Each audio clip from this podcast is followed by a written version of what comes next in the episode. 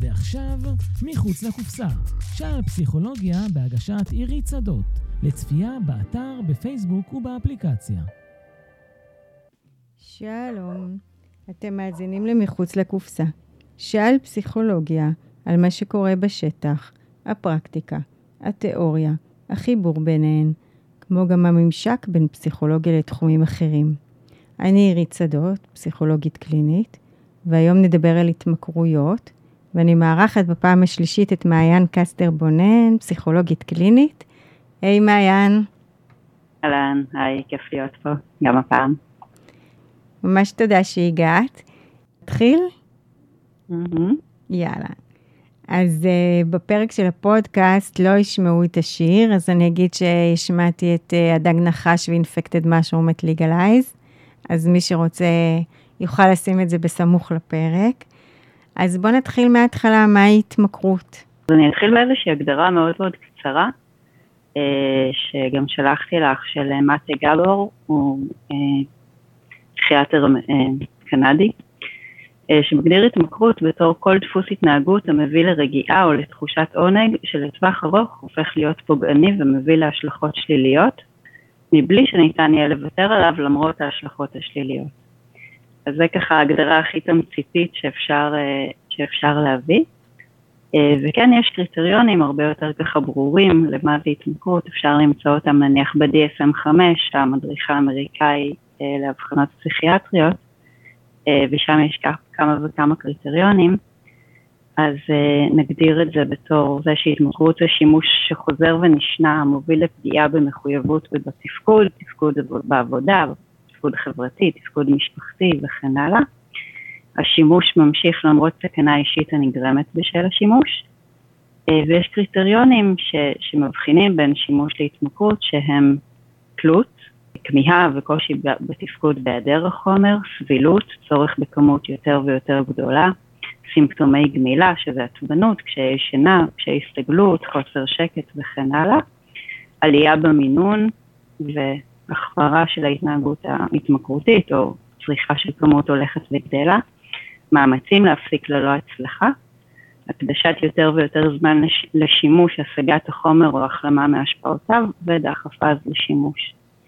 עכשיו, לא אצל כולם נראה את כל הקריטריונים האלה, אבל יש איזשהו מינימום של, שלהם שצריך לראות בשביל להגדיר את זה כהתמכרות, אה, ויש דרגות, זאת אומרת, אם יש אה, שלושה, ארבעה, אז זה התמכרות קלה, אחר כך בינונית, אחר כך התמכרות כבדה, וכמובן שזה לא חייב להיות לחומרים, אלא זה גם יכול להיות התנהגויות מסוימות, אה, שהן גם יכולות להיות התמכרותיות.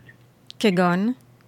כגון הימורים, כרטיסי גירוד, טוטו, פוקר, כל הספקטרום הזה, אה, כגון אה, מסכים, חומרים פורנוגרפיים, מין, אכילה וכן הלאה, יש טווח שלם של התנהגויות אה, התמכרותיות שהן לא קשורות לשימוש בחומרים, אבל יש להם את כל המאפיינים של התמכרות. אני כן אגיד שצריך לזכור באמת, כאילו בהמשך לשיר הזה של הדג נחש שמדבר על לגליזציה, שיש ספקטרום של שימוש. זאת אומרת, מדברים על שימוש, שימוש לרעה והתמכרות, וצריך להבחין ביניהם, כי ההבחנה פה היא מאוד מאוד חשובה, כי אחרת איפה אנחנו שמים את הגבול. שימוש זה בעצם שאני נהנה מהשימוש, אני יכול בלי, אני נהנה להעצים את החוויה, לדוגמה אם אני הולכת לפאב ושותה בירה עם חברים כי יותר כיף לי ואני מרגישה יותר משוחררת, אז זה שימוש. שימוש לרעה זה שאני כבר משתמשת בחומר על מנת להשיג את הרווחים המשניים של השימוש. אני לא שותה בירה בשביל שיהיה לי יותר כיף, או אני יותר משוחררת, או אני יותר ייהנה, אלא בשביל להפחית חרדה, להפחית כאב, לישון יותר טוב, לבסס סימפטומים של ADHD, להפחית חרדה וכן הלאה. בהתמכרות, כמו שאמרנו, זה כבר באמת אה, סיפור הרבה הרבה הרבה יותר מורכב, שאני כבר צריכה יותר ויותר, תלויה יותר ויותר, לא כל כך מצליחה להפסיק וכן הלאה. כל מה שאמרנו קודם. אוקיי. Okay. אז מה יש בעצם בהתמכרות? אה, אז א', יש כל מיני מודלים, כן? זאת אומרת, אה, מה יש בהתמכרות זה אני חושבת מאוד מאוד תלוי לפי איזה מודל אנחנו אה, נדבר על ההתמכרות. המודל שמדברים עליו היום הוא מודל ביו-פסיכוסוציאלי בעצם. ביו זה המודל הרפואי, הביולוגי, שמדבר על גנטיקה, מדבר על שינויים במוח, בעצם היה מודל בעבר של התמכרות כאיזושהי מחלת מוח. במודל הזה מדברים בעיקר על המנגנון של ההתמכרות, הוא המודל של מערכת הדופמין. המוח מתרגל, יוצר תלות בחומר בשביל להשיג עלייה חדה של דופמין אה, בכל מערכת העונג, המערכת שנותנת לנו תגמול אה, במוח. ואז בעצם נוצרת תלות ברמות האלה של הדופמין באופן שקשה לספק דרך תגמולים רגילים יומיומיים, גם אם קיבלתי ציון טוב במבחן, חיוך ממישהו, סיפוק על עבודה טובה שעשיתי, זה לא משתווה לבוסט הזה של הדופמין שאני אקבל אם אני אשתמש. אה, ואז ברגע ש, שאני מנסה להפסיק, יש חוויות של ריקנות, דכדוך, אובדן הנאה, תלות פיזית וכן הלאה. זה המודל הרפואי הקלאסי. אה, המודל הזה ככה בשנות ה-50-60 היה את הניסויים שאת בטח מכירה, שלקחו עכבר בכלוב עם דוושה, שכל פעם שהוא לוחץ על הדוושה הוא מקבל איזשהו בוסט של אה, דופמין לתוך המערכת העונג שלו, ואז הוא לוחץ על הדוושה ולא אוכל ולא עושה שום דבר עד שהוא מת. אז זה היה המודל הזה. מחקרים מאוחרים יותר כבר התווכחו עם המודל הזה והראו שלוקחים חולדות אבל שמים אותם בכלוב עם עוד חולדות וגירויים ומשחקים ואופציות אחרות אז, אז ההתנהגות הזאת לא מופיעה אה, והמודל התרחב וכאמור היום זה מודל ביו-פסיכו-סוציאלי, הפסיכו זה באמת הש... סוציאלי זה באמת השפעות סביבתיות, זה יכול להיות לחץ, בדידות, סביבה חברתית אה, ש, שיוצרת קשיים, קשיים בתפקוד חברתי, סביבה ש, שדוחפת מאוד מאוד לשימוש, את זה אנחנו רואים הרבה, אנשים שבעצם הסביבה החברתית שלהם והפעילויות החברתיות שלהם כבר הופכות להיות מאוד מאוד מקושרות לשימוש, ואז יש כל הזמן טריגרים בסביבה החיצונית. והמודל הפסיכולוגי זה ההשפעות הפסיכולוגיות שמדברות על מה ההתמכרות ממלאת. הפסיכולוגיה הדינמית, התיאוריה מתייחסת להתמכרות כמו סימפטום שדורש פענוח, כמו כל סימפטום אחר. אה, ודבר ראשון, מדברים על מערכת רגשית שבה המכור מחפש הקלה ושינוי בחוויה הרגשית שלו בשביל שהחוויה הרגשית נעשית, אה, תהפוך להיות נסבלת. יש הרבה פרדוקסים בנושא הזה של התמכרויות. בעצם יש איזה משהו שכל הזמן מתנדנד בין אה, שליטה וחוסר שליטה, איזושהי חוויה אומניפוטנטית וחוויה של היעדר יכולת והיעדר כוח, תלות לעומת נפרדות וכן הלאה. הרבה פעמים ב, במערכת של ההתמכרות יש איזשהו ניסיון לייצר שליטה. אני בעצם חושב שאני מצאתי איזה פתרון פלא כזה, שאני לא צריך להתמודד עם כל מיני חוויות רגש, רגשיות של חרדה, של ריקנות, של חוסר יכולת, של דימוי עצמי נמוך, ואז אני מפתח איזו פנטזיה כזאת, היא נורא נורא גדולה, שמצאתי את הפתרון שיעלים לי את כל הקשיים. יש איזו חוויה של התחלת שימוש, שהיא חוויה של התאהבות בחומר. זה הדבר ש, שעושה לי כל כך טוב, וזה הדבר שפה הרגשתי פתאום איזו מלאות כזאת, ואיזו שליטה כזאת, וחוויתי את עצמי באופן מאוד מאוד אחר. ואז זה הופך להיות מין מערכת כזאת, שבהתחלה יש את החוויה שהדבר הזה זמין לי, בשליטה שלי, תמיד שמה, ואני בעצם לא צריך להתמודד, מצאתי את הפתרון שיעלים לי את הקשיים, אה, ואני בעצם לא תלוי באף אחד אחר בשביל לספק כל מיני דברים כמו הרגעה, כמו תמיכה רגשית, כמו הכלה, יש לי את החומר הזה בהישג יד, אה, וזה נראה כמו איזה פתרון קסם כזה, מאוד וואו, גם מלוות לזה הרבה פעמים תחושות טובות בשימוש, כן? אנשים משתמשים לא כי זה עושה להם רע, כי זה עושה להם טוב, כי זה מייצר חוויות אחרות, מייצר uh, כל חומר וההשפעות שלו, כן? אבל גורם לנו לחוות את עצמנו בדרך כלל יותר uh, משוחררים, יותר עם כוח, יותר כאלה חזקים, לא יודעת, כל מיני שימוש אה, בסטימולנטים בלתי מנוצחים, כל יכולים כאלה. העניין הוא שלאט לאט באמת נוצר הדבר ההפוך. אם אני חושב שמצאתי משהו שייתן לי חוויה של שליטה ושיפתור את כל בעיותיי, אני בעצם מגלה שאני לאט לאט הופך את עצמי להיות יותר ויותר תלוי, יותר ויותר בלי יכולות לפתור את, את זה בכוחות עצמי, אלא יותר ויותר צריך את החומר, יותר ויותר נזקק לזה, פחות ופחות בשליטה. ואז נכנס כל העניין הזה באמת של לנסות להפסיק ולא כל כך להצליח ולהרגיש ככה באמת את התלות ולשלם לאט לאט מחירים, כמו שאמרנו קודם, חברתיים, תעסוקתיים, בין אישיים, שגדלים והולכים הרבה מאוד פעמים. ואז יש הרבה פעמים פנייה לטיפול או איזושהי הכרה שמשהו בזה לא עובד. את יכולה להסביר שוב על הניסויים שאמרת? לא בטוחה שהבנתי, תסבירי okay. אוקיי. שוב על ההתפתחות. אז הניסויים, יש ככה ניסויים קלאסיים שעשו בשנות ה... אני חושבת ששנות ה-60, אבל אולי ה-50, שלקחו חולדות אה, בכלוב, וחיברו להם ככה איזשהו שמו להם דוושה שהייתה מחוברת, שלחיצה על הדוושה הייתה מחוברת ישר למנגנון, לגרעין הקומבס, מנגנון העונג במוח, אה, מנגנון התגמול במוח, ואז כל פעם שהם לחצו על הדוושה הזאת הם קיבלו איזשהו בוסט של אה, דופמין. ומה שהניסויים הראשונים האלה הראו בעצם, שהחולדות פשוט מתמכרות לדופמין הזה, והם הפסיקו לאכול, הם הפסיקו לעשות כל דבר, ובעצם מתו מזה שהם רק לחצו על הדוושה הזאת בשביל לקבל עוד ועוד ועוד אה, בוסטים לחלק הזה של המוח. אה, וזה היה המודל הראשוני ש, שדרכו ניגשו להתמכרויות, ככה דרך הגישות היותר רפואיות, במודל הרפואי יותר, שדיבר באמת על תלות, על התמכרות, על דופמין, על מחלת מוח. אה, ניסויים בהמשך שעשו, ככה כבר יותר בשנות ה-70, אה, לקחו חולדות ושמו אותם במערכת דומה, שלחיצה על דוושה נתנה או אה, זרם חשמלי או מורפיום אה, לחולדה, אבל הפעם שמו אותם לא חולדה לבד בכלוב, אלא חולדה בכלוב עם עוד חולדות ומשחקים וצעצועים וכל מה שגורם לחולדות אושר, לא יודעת בדיוק מה גורם לחולדות כיף והנאה, אבל נתנו להם כל מיני גירויים אחרים. ומה שראו זה שבתנאים כאלה, אז החולדות לא, לא מתמכרות אומרת, זה בעצם הפריך את זה שההתמכרות היא פשוט חשיפה למשהו שגורם להתמכרות. Mm. אלא ראו שזה מאוד מאוד תלוי בהשפעות הסביבתיות. הסביבה מאוד משנה, זה, זה החלק הסוציאלי.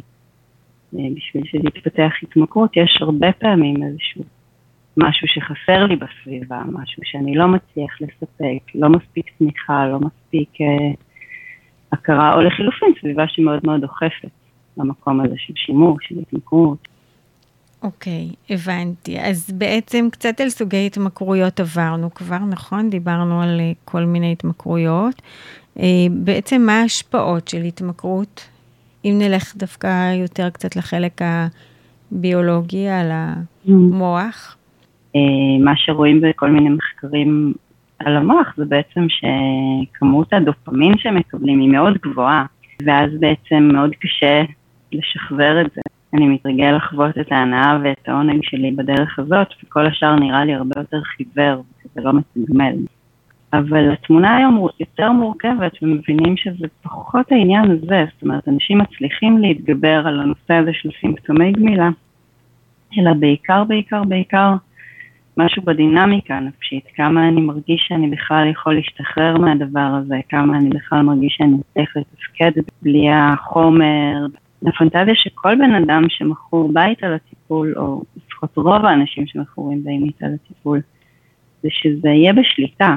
שוב, בגלל שאנחנו מדברים הרבה פעמים היום, כבר לא על הרואין ודברים כאלה, אלא כאילו באמת על גראס, על אלכוהול, על, על סמים כאילו שהם יותר נורמטיביים ויותר נפוצים ויותר קלים, אז הפנטזיה היא, היא להצליח לשלוט בזה, אוקיי. Okay. אני רק אקריא מככה חומר שאת שלחת לי, mm-hmm. של אה, דוקטור אביב ויינשטיין, אה, על השפעות סמים על המוח של צעירים, אז ככה שימוש קבוע במריחואנה ואקסטזי, מלווה בפגיעה ארוכת טווח ביכולות קוגניטיביות.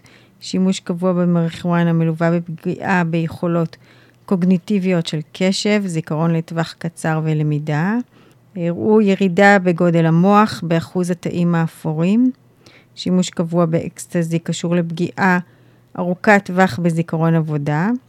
צעירים המשתמשים באקסטזי הראו פגיעה ביכולות של קשב סלקטיבי, זיכרון מילולי ומנגנון המוח האחראי לקשב. אז זה ככה בגדול. כן, מהבחינה הזאת אני חושבת שיש אה, לגמרי כל מיני אה, השפעות.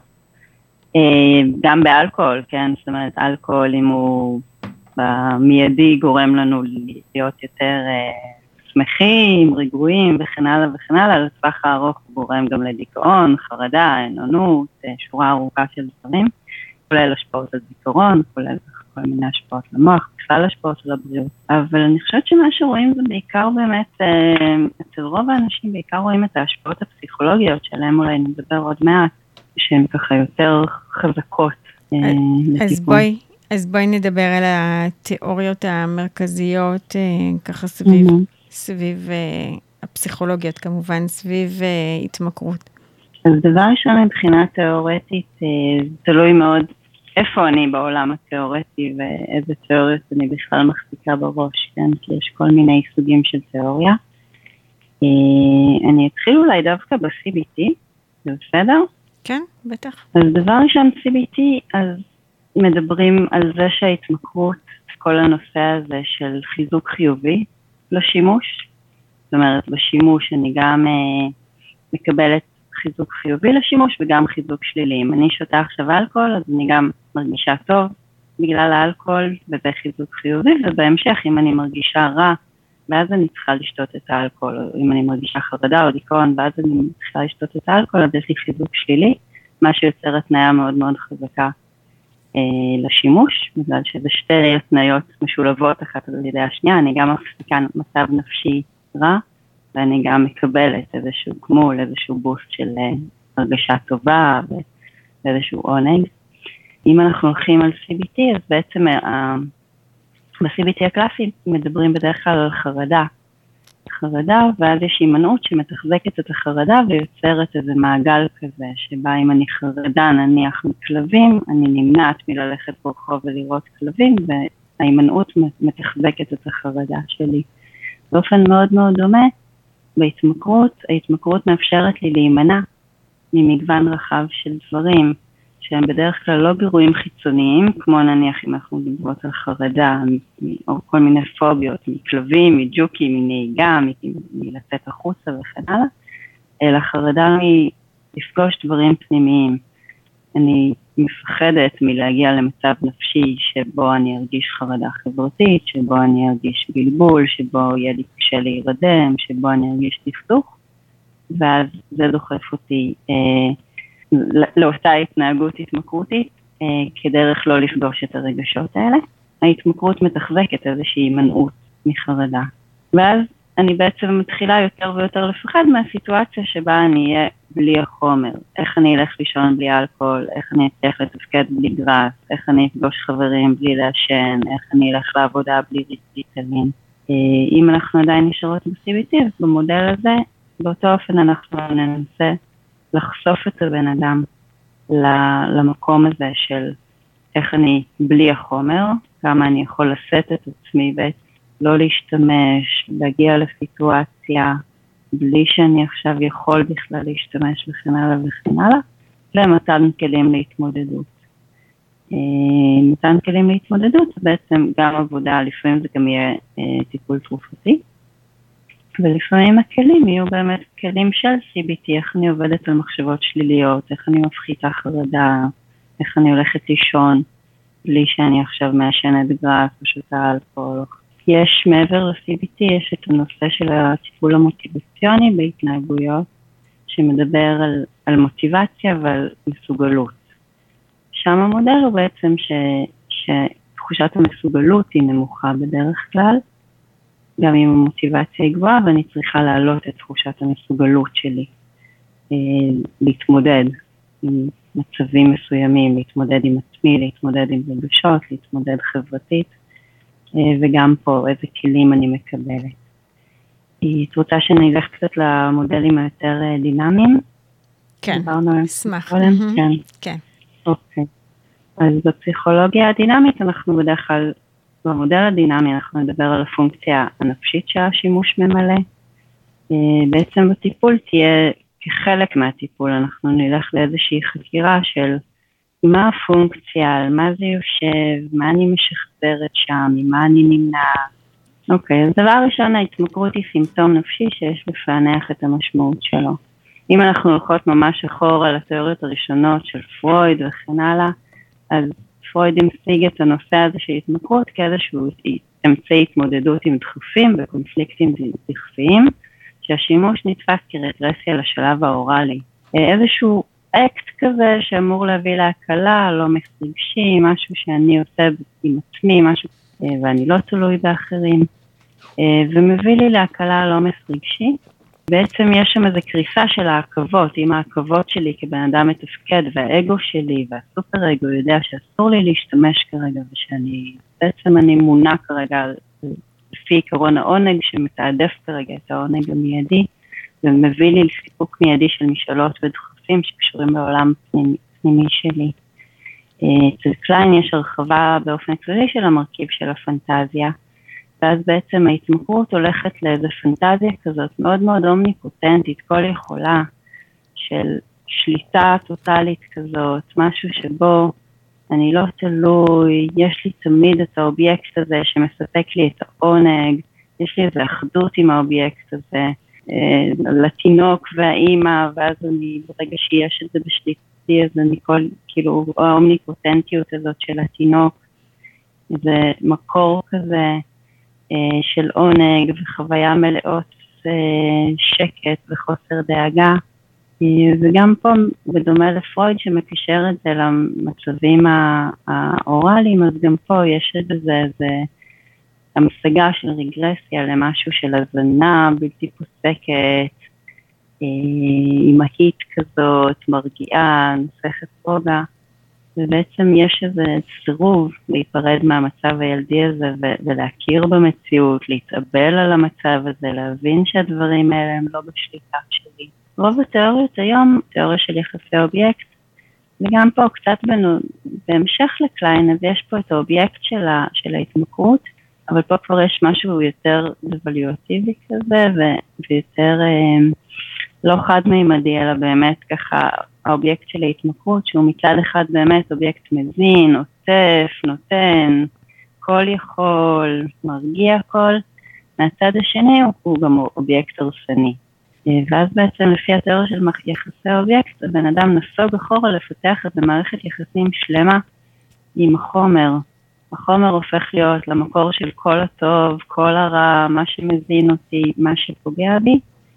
אה, ההנחה הבסיסית היא בדרך כלל שמערכת היחסים הזאת משחזרת מערכות יחסים קודמות שהיו אה, לאדם, פה יש מאוד מאוד חזק את הנושא של הטראומה, וגם רואים בשטח, ויש המון המון מחקרים על הקשר בין טראומה להתמכרויות, אנשים שעברו טראומות, או אנשים שסובלים מפוסט טראומה, או מפוסט טראומה מורכבת, יש להם סיכון הרבה הרבה יותר גדול אה, לסבול מהתמכרות.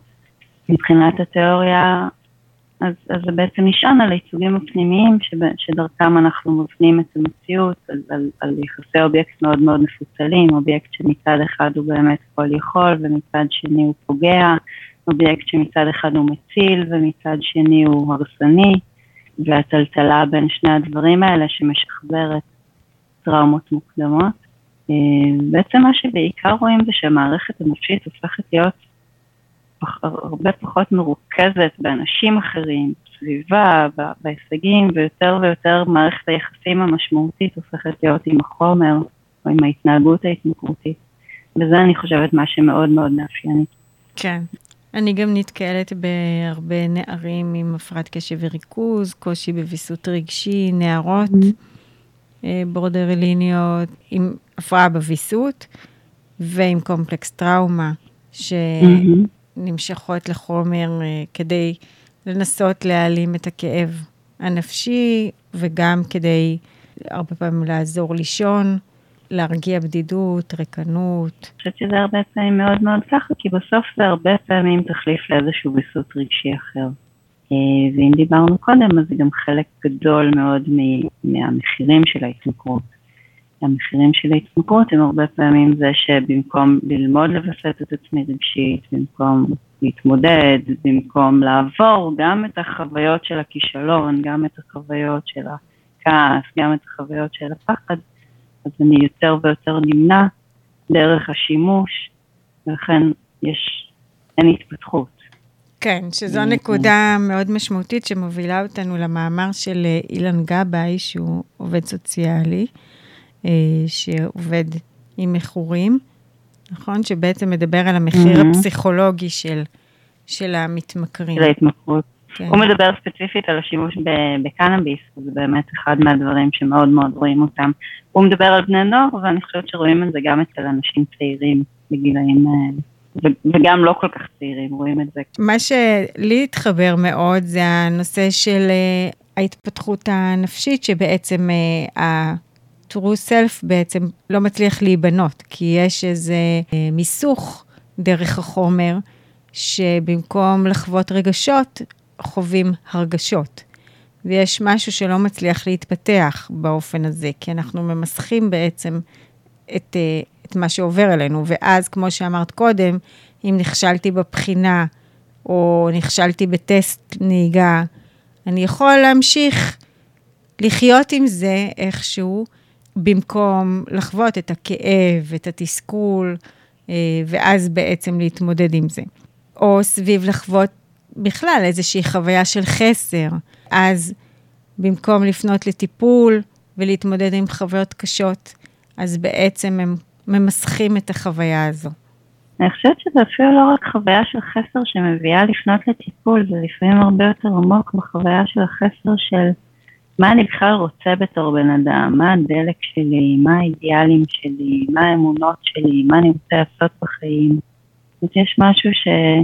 שנורא נורא הולך אחורה להישענות על השימוש, ובעצם אני לא מתפתחת גם נפשית, אבל גם באמת אה, חברתית, אה, בין אישית. זאת אומרת, אנחנו רואים הרבה פעמים אנשים צעירים כזה בש... בסוף שנות ה-20 לחיים שלהם, שמתחילים להגיד, אוקיי, רגע, זה היה סבבה, עשיתי סמים, הייתי בהודו, טיילתי, עשיתי פה, הייתי שם, ופתאום אני עוד רגע בן 30, וכל החברים שלי כבר סיימו תואר, יודעים מה הם רוצים לעשות בחיים, אה, עבדו, למדו, יצרו זוגיות, ואני פתאום מוצאת עצמי עדיין יושב מעשן בערב. עובד בעבודות אולי יותר מזדמנות, פחות מאתגר את עצמי, כי סבבה לי, כי נחמד לי, כי נוח לי. אני חושבת שעל זה גם אה, אילן גבאי מדבר, על החוויה הזאת שזה בסדר וזה זמין וזה סבבה. שוב, קצת כמו עם השיר הזה שהתחלנו איתו, של, ש, של הדג נחש, של הלגליזציה, ושכולם מעשנים, וזה חומר פלא.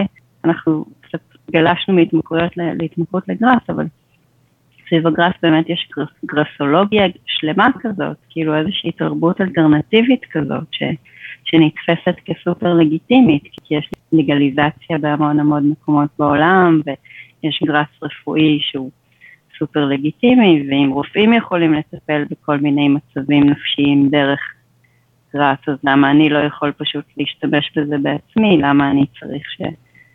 את הרופא, כן, זה, זה טבעי, זה אורגני, זה לא גורם לנזקים, יש המון המון המון רציונליזציות, ושוב, יש הרבה אנשים שיכולים להשתמש והכל יהיה בסדר, והם ימשיכו, הם לא ישלמו כאלה מחירים, השימוש יהיה פחות אינטנסיבי והם כן יתמודדו רגשית, וזה לא יהיה כל כך יומיומי ומהבוקר עד הערב, וזה יהיה אנשים שאצלם זה אולי באמת בסדר וטבעי ו... וסבבה והם ירגישו יותר טוב בערב אם הם ישנו ג'וינט פה ושם והכל יהיה בסדר, אבל יש את האנשים שנתקעים, וזה האנשים שבאמת אצלם בסוף הופך להיות בעיה. אני חושבת שזה באמת חלק מהעניין של, של השיח המורכב שצריך לאמץ בנושא הזה. אה, כמו שאמרת, יש את הנור... במאמר של אילן גבה יש את הנורמליזציה גם של, ה... של הדרס, להפוך את זה ללגיטימי, להפוך את זה לסבבה, זה הופך להיות מין מרד כזה, כאילו איזו תרבות אלטרנטיבית שהיא הופכת להיות מרד סמוי, אני, אני כאילו מתפקד, אני כאילו עושה דברים, אני כאילו ממשיך, ולפעמים גם אני לא משלם כאלה מחירים גדולים, אני ממשיך, אני מצליח ללכת ללימודים, ללכת לעבודה, לעבוד, להיראות בסדר, להיות בסדר חברתית, והמחיר הוא מחיר הרבה הרבה הרבה יותר סמוי, שבאמת קשה לעלות עליו. אה, גם בטיפול, אנשים באים ובהתחלה מתחילים לפתוח איתם את אוקיי, למה אתה רוצה להפסיק, איזה מחיר.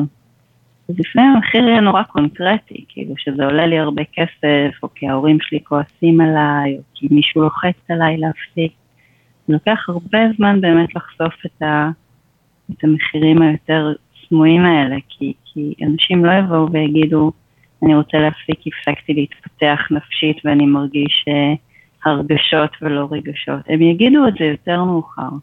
הם בשלב יותר מאוחר של הטיפול פתאום יתחילו להבין כמה המון זמן אני לא, לא הרגשתי, כמה אני נמנעתי מכעס, כמה אני נמנעתי מקונפליקטים, כמה הקשרים שלי הפכו להיות רדודים בגלל זה. אבל זה משהו נורא נורא סמוי שבאמת לוקח זמן לעלות עליו. אה, באמת עם רוב המכורים, אם, אם דיברנו קודם על, על הנושא של מכורים אה, נורמטיביים, אז אנשים לא באים גמורים עם הרואין ודי, אני לא יכול יותר כי, אני, כי, כי או שאני מפסיק או שאני מת. יש גם את זה בקצה של הקשת ושל הספקטרום של ההתמכרויות, אבל בדרך כלל זה משהו הרבה יותר עדין, שצריך לעשות הרבה מאוד עבודה כזאת בשביל לחשוף את המחירים הנפשיים. והמחיר הנפשי הכי גדול הוא, הוא המערכת הסגורה. הוא, הוא גם הנושא הזה של לא להתפתח רגשית, אבל הרבה מאוד פעמים, לפחות ממה שלי יצא לראות, זה, זה משהו של מחיר ב, ביחסים בין אישיים. כי, כי אם אני סומכת רק על עצמי, אם אני סומכת רק על החומר, אם אני לא צריכה אף אחד שיהיה שם בשבילי, יווסת אותי, יתמוך בי, יגרום לי סיפוק, יגרום לי הנאה, אז יש לי הרבה פחות מוטיבציה. גם להשיג דברים חיצוניים, ממש, כאילו תכלס, כמו עבודה יותר טובה, כמו להצליח יותר בלימודים וכן הלאה, וגם לפתח את מערכות היחסים שלי. כן. אני רגע קוטעת אותך כי אני רוצה שנתקדם. אה, אוקיי. Okay. אז באמת אה, מה שאילן גבאי מדבר עליו זה שלא יבוא נער או נערה ויגידו אני מכור או מכורה, הם לגמרי התכחשו להתמכרות, מבחינתם הם מצאו את הפתרון, הם במקום טוב, היום הם לא, אין להם התפרצויות זעם בבית הספר, הם אה, אה, למדו לכאורה להרגיע את עצמם, הם, מבחינתם יש להם פתרון, ומה שהוא מציע בעצם זה עבודה מול ההורים. זאת אומרת שההורים, אה, אם הם כבר גילו, הרבה פעמים זה כל כך סמוי שקשה לראות, אבל אם כן, אז זה בעצם ההורים שישימו גבול בהקשר הזה, והם שיעזרו לנער, כולל בדיקות שתן, ויעזרו לנער אה, להפסיק את השימוש. זאת אומרת שהגבול mm-hmm. יבוא מבחוץ. רוצה עוד קצת להרחיב על זה? את מתחברת לזה בתור מישהי שעובדת במרפאה של ילדים ונוער? כן, מאוד. או עובדת גם בקליניקה הפרטית עם ילדים ונוער? כן, מאוד, מאוד. מה שעוד הוא העלה מאוד זה את הנושא של שקרים ומניפולציות. שיש משהו שלא מתפתחת אשמה, שהם הרבה יותר בקלות אה, משקרים ועושים מניפולציות, ואני יכולה גם לראות את זה אה, כשאני פוגשת את הנערים האלה. ובמיוחד, אה, הם יכולים להגיע סביב זה שלא אושר להם רישיון נהיגה, שהם מגיעים לטיפול סביב כאילו אינטרס, ולא סביב באמת רצון לפתור איזשהו קושי. אז יש עוד ככה. משהו שאת רוצה להוסיף על זה? אני רוצה להגיד על זה שבעבודה עם מבוגרים זה קצת אחר, כי, כי בסוף כשעובדים עם מבוגרים, אנשים מגיעים, צריכים לפנות מרצונם לטיפול. לפעמים יש באמת מישהו חיצוני שדוחף, בין אם זה סביבה ובין אם זה קצין מבחן בקצה הקשה יותר של הסקאלה. אבל uh, בדרך כלל אנשים מגיעים מרצונם, ואז יש כבר איזושהי הבנה של המחירים. אבל באופן דומה אולי אין פה את ההורים, אבל כן אני חושבת שהמטפל צריך לשים הרבה פעמים איזשהו, אה, איזושהי מראה באמת למחירים, למה קורה לי, באמת בגבול הזה, איפה אני נמצא, כי, כי אם אנחנו מדברות על נורמליזציה של זה, ועל אגרסולוגיה, ועל לגליזציה, ועל כל הדברים האלה, אז חלק מהטיפול, החלק הראשון של הטיפול בעצם, הוא, הוא קצת אה, למוסס את ההכחשות האלה, שהכל בסדר והכל סבבה והכל טוב, ואני לא עושה שום דבר שמזיק לי, ואני בשליטה, ו, והכל בסדר, אני רק צריך טיפה להפחית, כי אולי קצת הגזמתי או משהו כזה, ובאמת להתחיל להסתכל במציאות כמו שהיא. אולי בשפה פסיכולוגית נקרא לזה באמת להעלות קצת את השיפוט ואת בוחן המציאות ו- וקצת למוסס הכחשות ו- ו- ו- כל מיני רציונליזציות שנלוות לשימוש. אה, וחלק מזה זה באמת המטפל צריך להיות איזושהי מראה, איזושהי מראה לכל מיני מקומות של, שאני כבר מעוות את המציאות. זה כמובן צריך להיות מאוד מאוד עדין, כן? כי המטפל לא יכול רק לבוא בגישת הנו נו נו ו- ורק להחזיק את זה שזה נורא ואיום ופוגע במטופל. חייבים להתחבר ל- לכיף, לטוב, לכמיהה, להתאהבות הזאת, אחרת זה... זה שומט משהו מהחוויה של המטופל ומשאיר אותו מאוד חלש, כאילו אם אני רק, יש לי מחירים של, שליליים מהדבר הזה ואני לא מדבר גם על הדברים החיוביים ועל מה אני מקבל ממנו, אז אני רק ארגיש את עצמי תלוי וחלש ו- ולא מסוגל. אה, אז השיח הוא באמת שיח גם כל הזמן של הכוחות ושל ההתמודדות ושל מה אני יכול לעשות ומה כן בשלטי, ובו זמנית כל הזמן גם על המקום הזה של איפה המחירים, איפה זה כבר לא בסדר, איפה אני כבר באמת לא מתפתח, והמחירים הם בעיקר הרבה פעמים בין אישיים, כי את המחיר הנפשי וההתפתחות הנפשית והחוויה האותנטית, כמו שאמרת קודם, זה מאוד מאוד חזק, אבל בן אדם לא כל כך ירגיש את זה, הוא לא ירגיש שהוא לא מרגיש את הרגשות שלו, אלא מרגיש הרגשות ומתבלבל ביניהם. אבל הוא כן יבין שיש לו פחות חברים, או שהקשר עם החברים שלו הופך להיות יותר שטחי, או שההסתרות והשקרים והמניפולציות מול הסביבה הופכים להיות כבר בלתי נסבלים וכבר אי אפשר להמשיך ככה. כן, אנחנו צריכות תכף לסיים, אני ככה mm-hmm. חושבת על אה, אנשים שאני ככה נפגשתי איתם, אני לא עובדת עם מבוגרים לרוב אה, אה, מכורים, אבל שכן אה, למשל מכורים לפוקר. אה, אחד, mm-hmm. מי יותר ומי פחות מודע לזה והפסיד יותר או פחות כסף סביב הדבר הזה. ואני חושבת שאחד הדברים החשובים, לפחות זה משהו שאנחנו עושות uh, ב-DBT עם הנערות, אולי זה לעצור רגע ולנסות רגע לזכור את הרגע הזה שבו uh, הם היו צריכים, אני מבינה שגם הם יכולים לעשות את זה, או כל מיני הימורים באינטרנט. הרגע mm-hmm. הזה שהם ניגשו לדבר הזה, מה הם הרגישו לפני כן, מין חקירה כזאת, מה קורה לי ברגעים האלה. על איזה צורך זה בא לענות, אה, ואיך אה, אפשר למצוא איזה הסחת דעת או משהו אחר, או איך אני מצליח לשאת את החוויה הזאת רגע. את החוויה הזאת של... לגמרי. של... לגמרי. הרבה מאוד עבודה על הטריגרים, מה הוביל אותי לשימוש, מה הרגשתי לפני, מה הרגשתי אחרי, מה יכולתי לעשות אחרת, איך יכולתי לעשות אחרת. הרבה מאוד עבודה. לא סתם ציין DBT, כי זה שוב, דיברנו על הוויסות הרגשי, ובנקודה הזאת זה נורא נורא נורא מתחבר אה, בדיוק למקומות האלה. איפה אני יכול ללמוד מיומנויות אחרות, לווסת את עצמי ולהתמודד אחרת עם, עם, עם רגשות, עם חוויות רגשיות שליליות, עם חרדה. כן. אה. אנחנו צריכות לסיים. ממש תודה שהגעת שוב. ככה באמת היה מלמד. זה נושא שאני באופן אישי למדתי עכשיו אה, תוך כדי תנועה דרך דברים שאת שלחת, וזה היה מאוד מעניין. אז uh, תודה שהייתם איתנו. אני הייתי עירית שדות. שוב תודה, מעיין, וניפגש בתוכנית הבאה. תודה רבה שהערכת אותי. ביי ביי. הרדיו החברתי הראשון. הכוח חוזר לאנשים.